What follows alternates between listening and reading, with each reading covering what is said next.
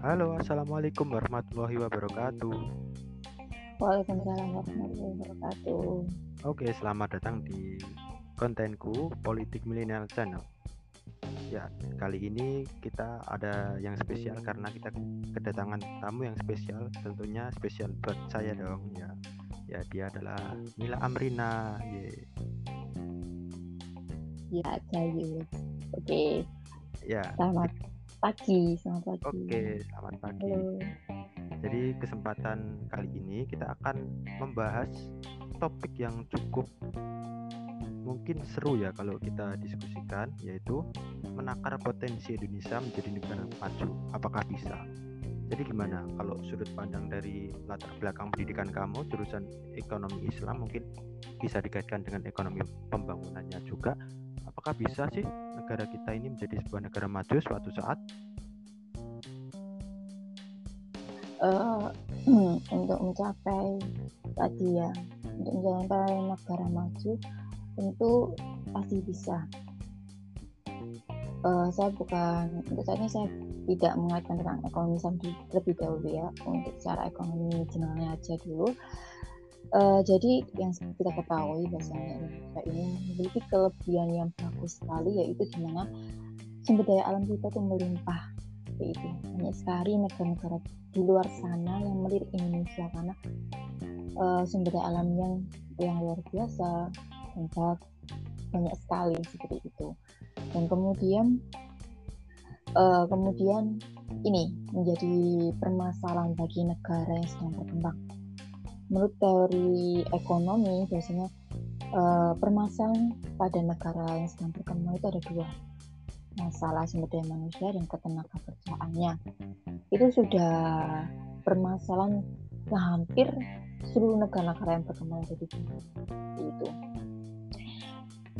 jadi kalau menurut saya untuk menjadi negara maju Indonesia itu sangat memiliki potensi besar saya optimis dengan itu karena apa seperti uh, yang sudah dikatakan biasanya Indonesia ini bonus demografi yang artinya uh, banyak dari penduduknya yang berusia produktif atau yang bisa dikatakan untuk saat ini banyak penduduknya di era milenial. Kemudian uh, seperti pada bonus demografi tahun 2030 banyak negara-negara yang mana negara-negara maju itu memang usia produktifnya itu sangat rendah sekali. Karena memang mereka kan sistemnya orang-orang yang sudah sukses orang-orang yang tua akan kekayaan orang tuanya. Kalau di Indonesia bahkan anak mudanya lebih banyak jadi untuk menjadi negara maju itu sangat potensi sekali menurut saya seperti itu Oh gitu ya jadi memungkinkan Indonesia suatu saat bisa menjadi negara maju karena kita mendapatkan bonus demografi gitu ya dengan penduduk usia muda yang sangat melimpah gitu ya. Iya betul sekali. Iya, tetapi kan kalau kamu bilang itu kan dari sisi positifnya usia muda banyak sekali melimpah. Itu kan kalau kita bisa olah dengan baik. Nah, kalau tidak bisa diolah dengan baik, nanti akan jadi sebuah kehancuran malahan karena pengangguran yang banyak, tidak ada lapangan pekerjaan kan juga bisa kemungkinan terjadi seperti itu gimana kalau gitu Nah, seperti yang saya katakan tadi, bahwasanya permasalahan pada negara yang sedang berkembang itu adalah uh, sumber daya manusianya yang rendah, yaitu tenaga kerjaannya. Nah, dengan upaya pemerintah sama Indonesia ini uh, menjadikan sumber daya manusia ini tidak rendah lagi tapi sudah melampaui. Yang artinya sumber daya manusia ini sudah produktif. Ya tentu uh, mungkin adanya programnya dari pemerintah saat ini adanya kartu prakerja itu sangat cukup baik kalau menurut saya karena sebuah upaya yang bagus juga karena memang uh, untuk sumber daya manusia yang ada di Indonesia ini memang dibutuhkannya untuk sebuah pelatihan soft skill untuk melatih menjadi sumber daya manusia yang lebih produktif lagi. Karena kita tidak bisa menutup mata bahwasanya uh, ekonomi yang sedang kita anut adalah ekonomi terbuka, di mana orang yang di luar negeri bisa masuk dan orang yang dalam negeri bisa keluar. Terjadinya saling tukar menukar antara uh, sumber daya manusia itu memang sudah tidak bisa ditolak lagi. Maka dari itu sumber daya manusia yang ada di Indonesia yang harus disiapkan dengan baik. Artinya bisa berkompetensi, bisa memiliki kompetensi yang baik dan bisa uh, mengikuti ajang perlomba-lombaan sumber daya manusia yang sudah adanya dari asing yang masuk ke dalam negeri yang artinya nanti adanya pelatihan soft skill yang disediakan bagi sumber daya manusia kita itu sangat bagus juga buat mendukung untuk menjadikan sumber daya manusia yang kita miliki menjadi sumber daya manusia yang unggul seperti itu. Oh gitu ya.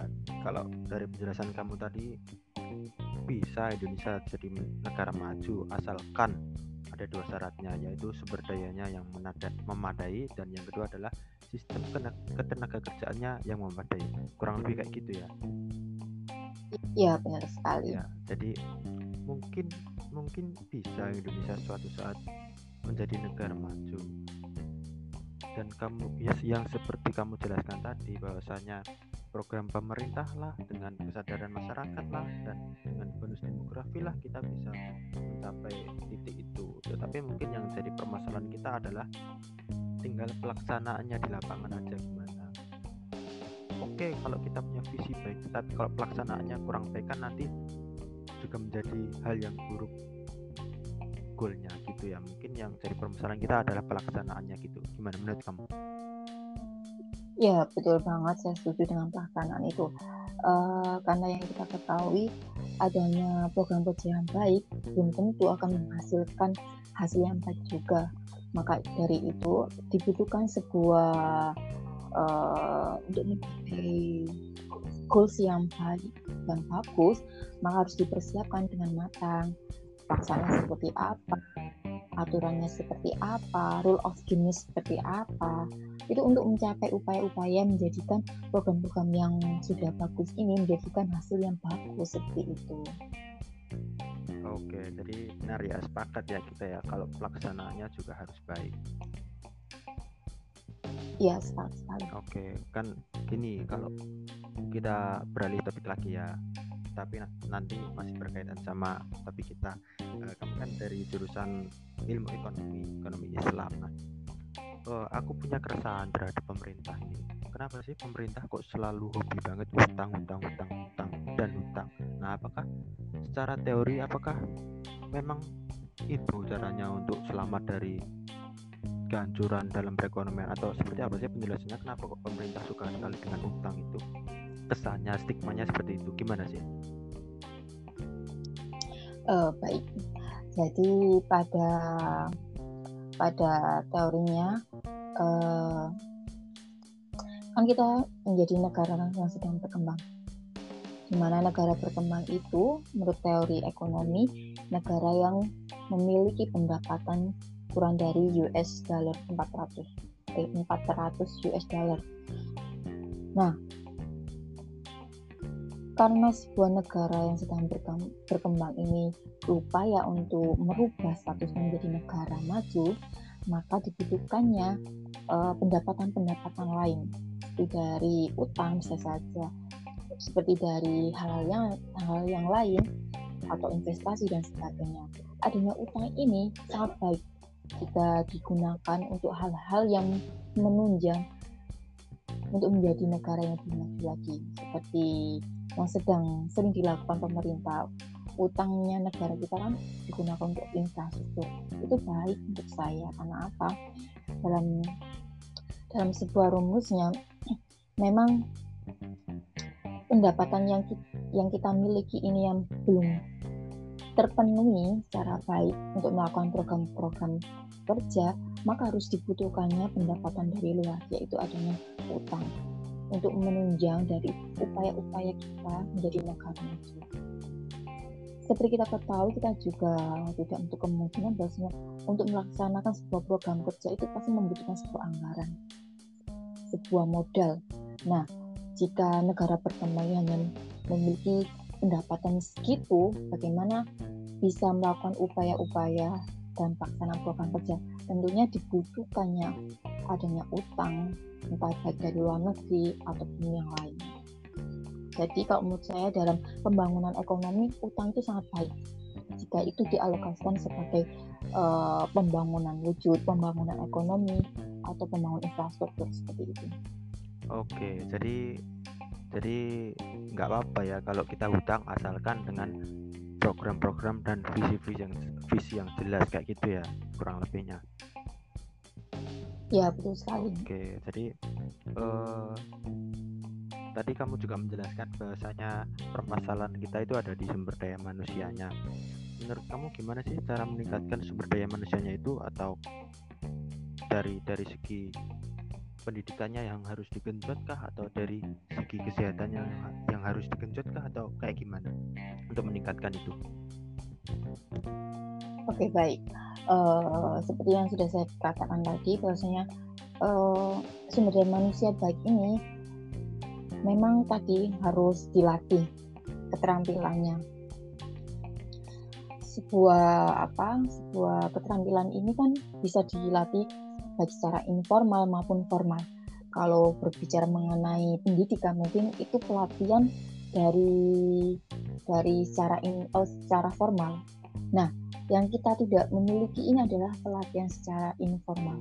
Yang seperti saya katakan tadi dibutuhkannya pelatihan secara soft skill di mana sumber daya manusia ini atau setiap individu itu harus memiliki dan mengetahui uh, potensinya itu seperti apa, kemudian keunggulannya seperti apa, minatnya bagaimana, seperti itu. Jadi dalam sistem pembangunan sumber daya manusia ini tentunya harus ada dua ini dalam hal formal maupun informal. Kalau informal kita sudah tidak takut lagi karena dalam undang-undang itu sudah jelas bahwasanya eh, minimal dari pendidikan setiap individu adalah 12 tahun. Itu upayanya pemerintah untuk meningkatkan sumber daya manusia yang diunggul lagi. Nah, kemudian mengenai pendidikan secara eh, mengenai uh, persiapan sumber daya manusia secara informal yaitu adanya pelatihan soft skill yang ini harus di, uh, menjadi perhatian buat kita semua bahwasanya penting adanya sebuah pelatihan seperti soft skill untuk menunjang dari keahlian untuk memupuk dari potensi yang dimiliki setiap individu yang harus seharusnya dia miliki untuk mengeksplor lagi tentang dirinya. Oke, jadi kayak gitu ya. Jadi harus diseimbangkan antara pendidikan formal dan pendidikan non informal. Dan sejauh ini kita ya, masih ya. beratkan pada pendidikan formal. Jadi PR yang harus kita lakukan adalah kita juga harus perhatian terhadap pendidikan non formal kayak gitu ya kurang lebih. Iya betul sekali. Yang saya sampaikan tadi kan upaya pemerintah cukup baik dengan adanya kartu prakerja itu mungkin sebuah pelatihan soft skill untuk mempersiapkan nantinya menjadi seorang pekerja.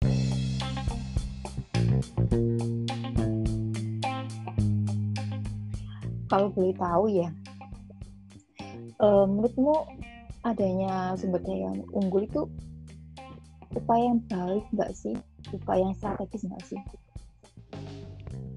oh ya kalau menurutku kayak gini ya aku punya sudut pandang yang lain terhadap potensi Indonesia menjadi negara maju. Kayak gini kalau aku melihat sudut pandang dua hal.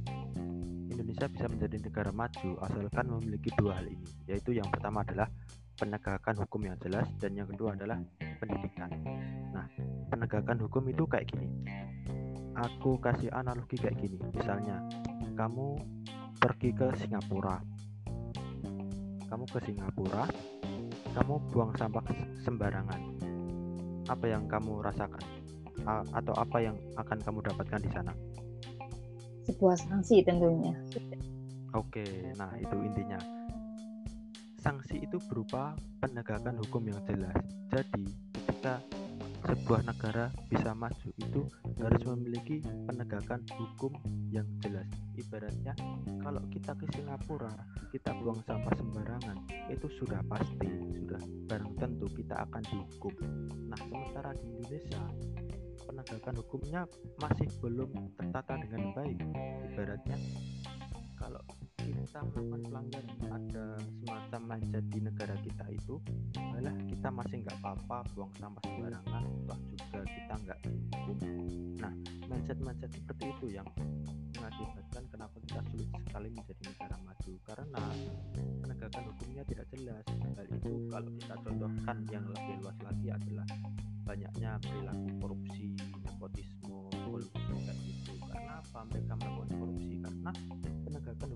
jelas karena dia melakukan korupsi alah aku melakukan korupsi nggak apa-apa soalnya nanti aku bisa menyuap penegak hukum kayak gitu misalnya tentunya. Kalau aku yakin kalau penegakan hukumnya sudah jelas itu nanti akan bisa menjadi negara yang maju. Dan yang kedua adalah pendidikan. Nah, pendidikan ini aku menitik aku aku sangat berpondasi pada pendidikan. Nah, kalau kita mau menjadi negara maju, pendidikan kita harus baik. Yang pertama adalah pemerataan dulu aja. Jadi kita ini kan negara kepulauan yang sangat luas, jadi harus merata dulu pendidikannya. Di mana dari Sabang sampai Merauke itu harus memiliki fasilitas yang cukup untuk pendidikan, entah itu dari tenaga pendidiknya atau dari infrastruktur pendidikannya sendiri. Itu kalau menurutku syarat menjadi negara maju uh, berarti memang tentang penegakan itu memang harus penting.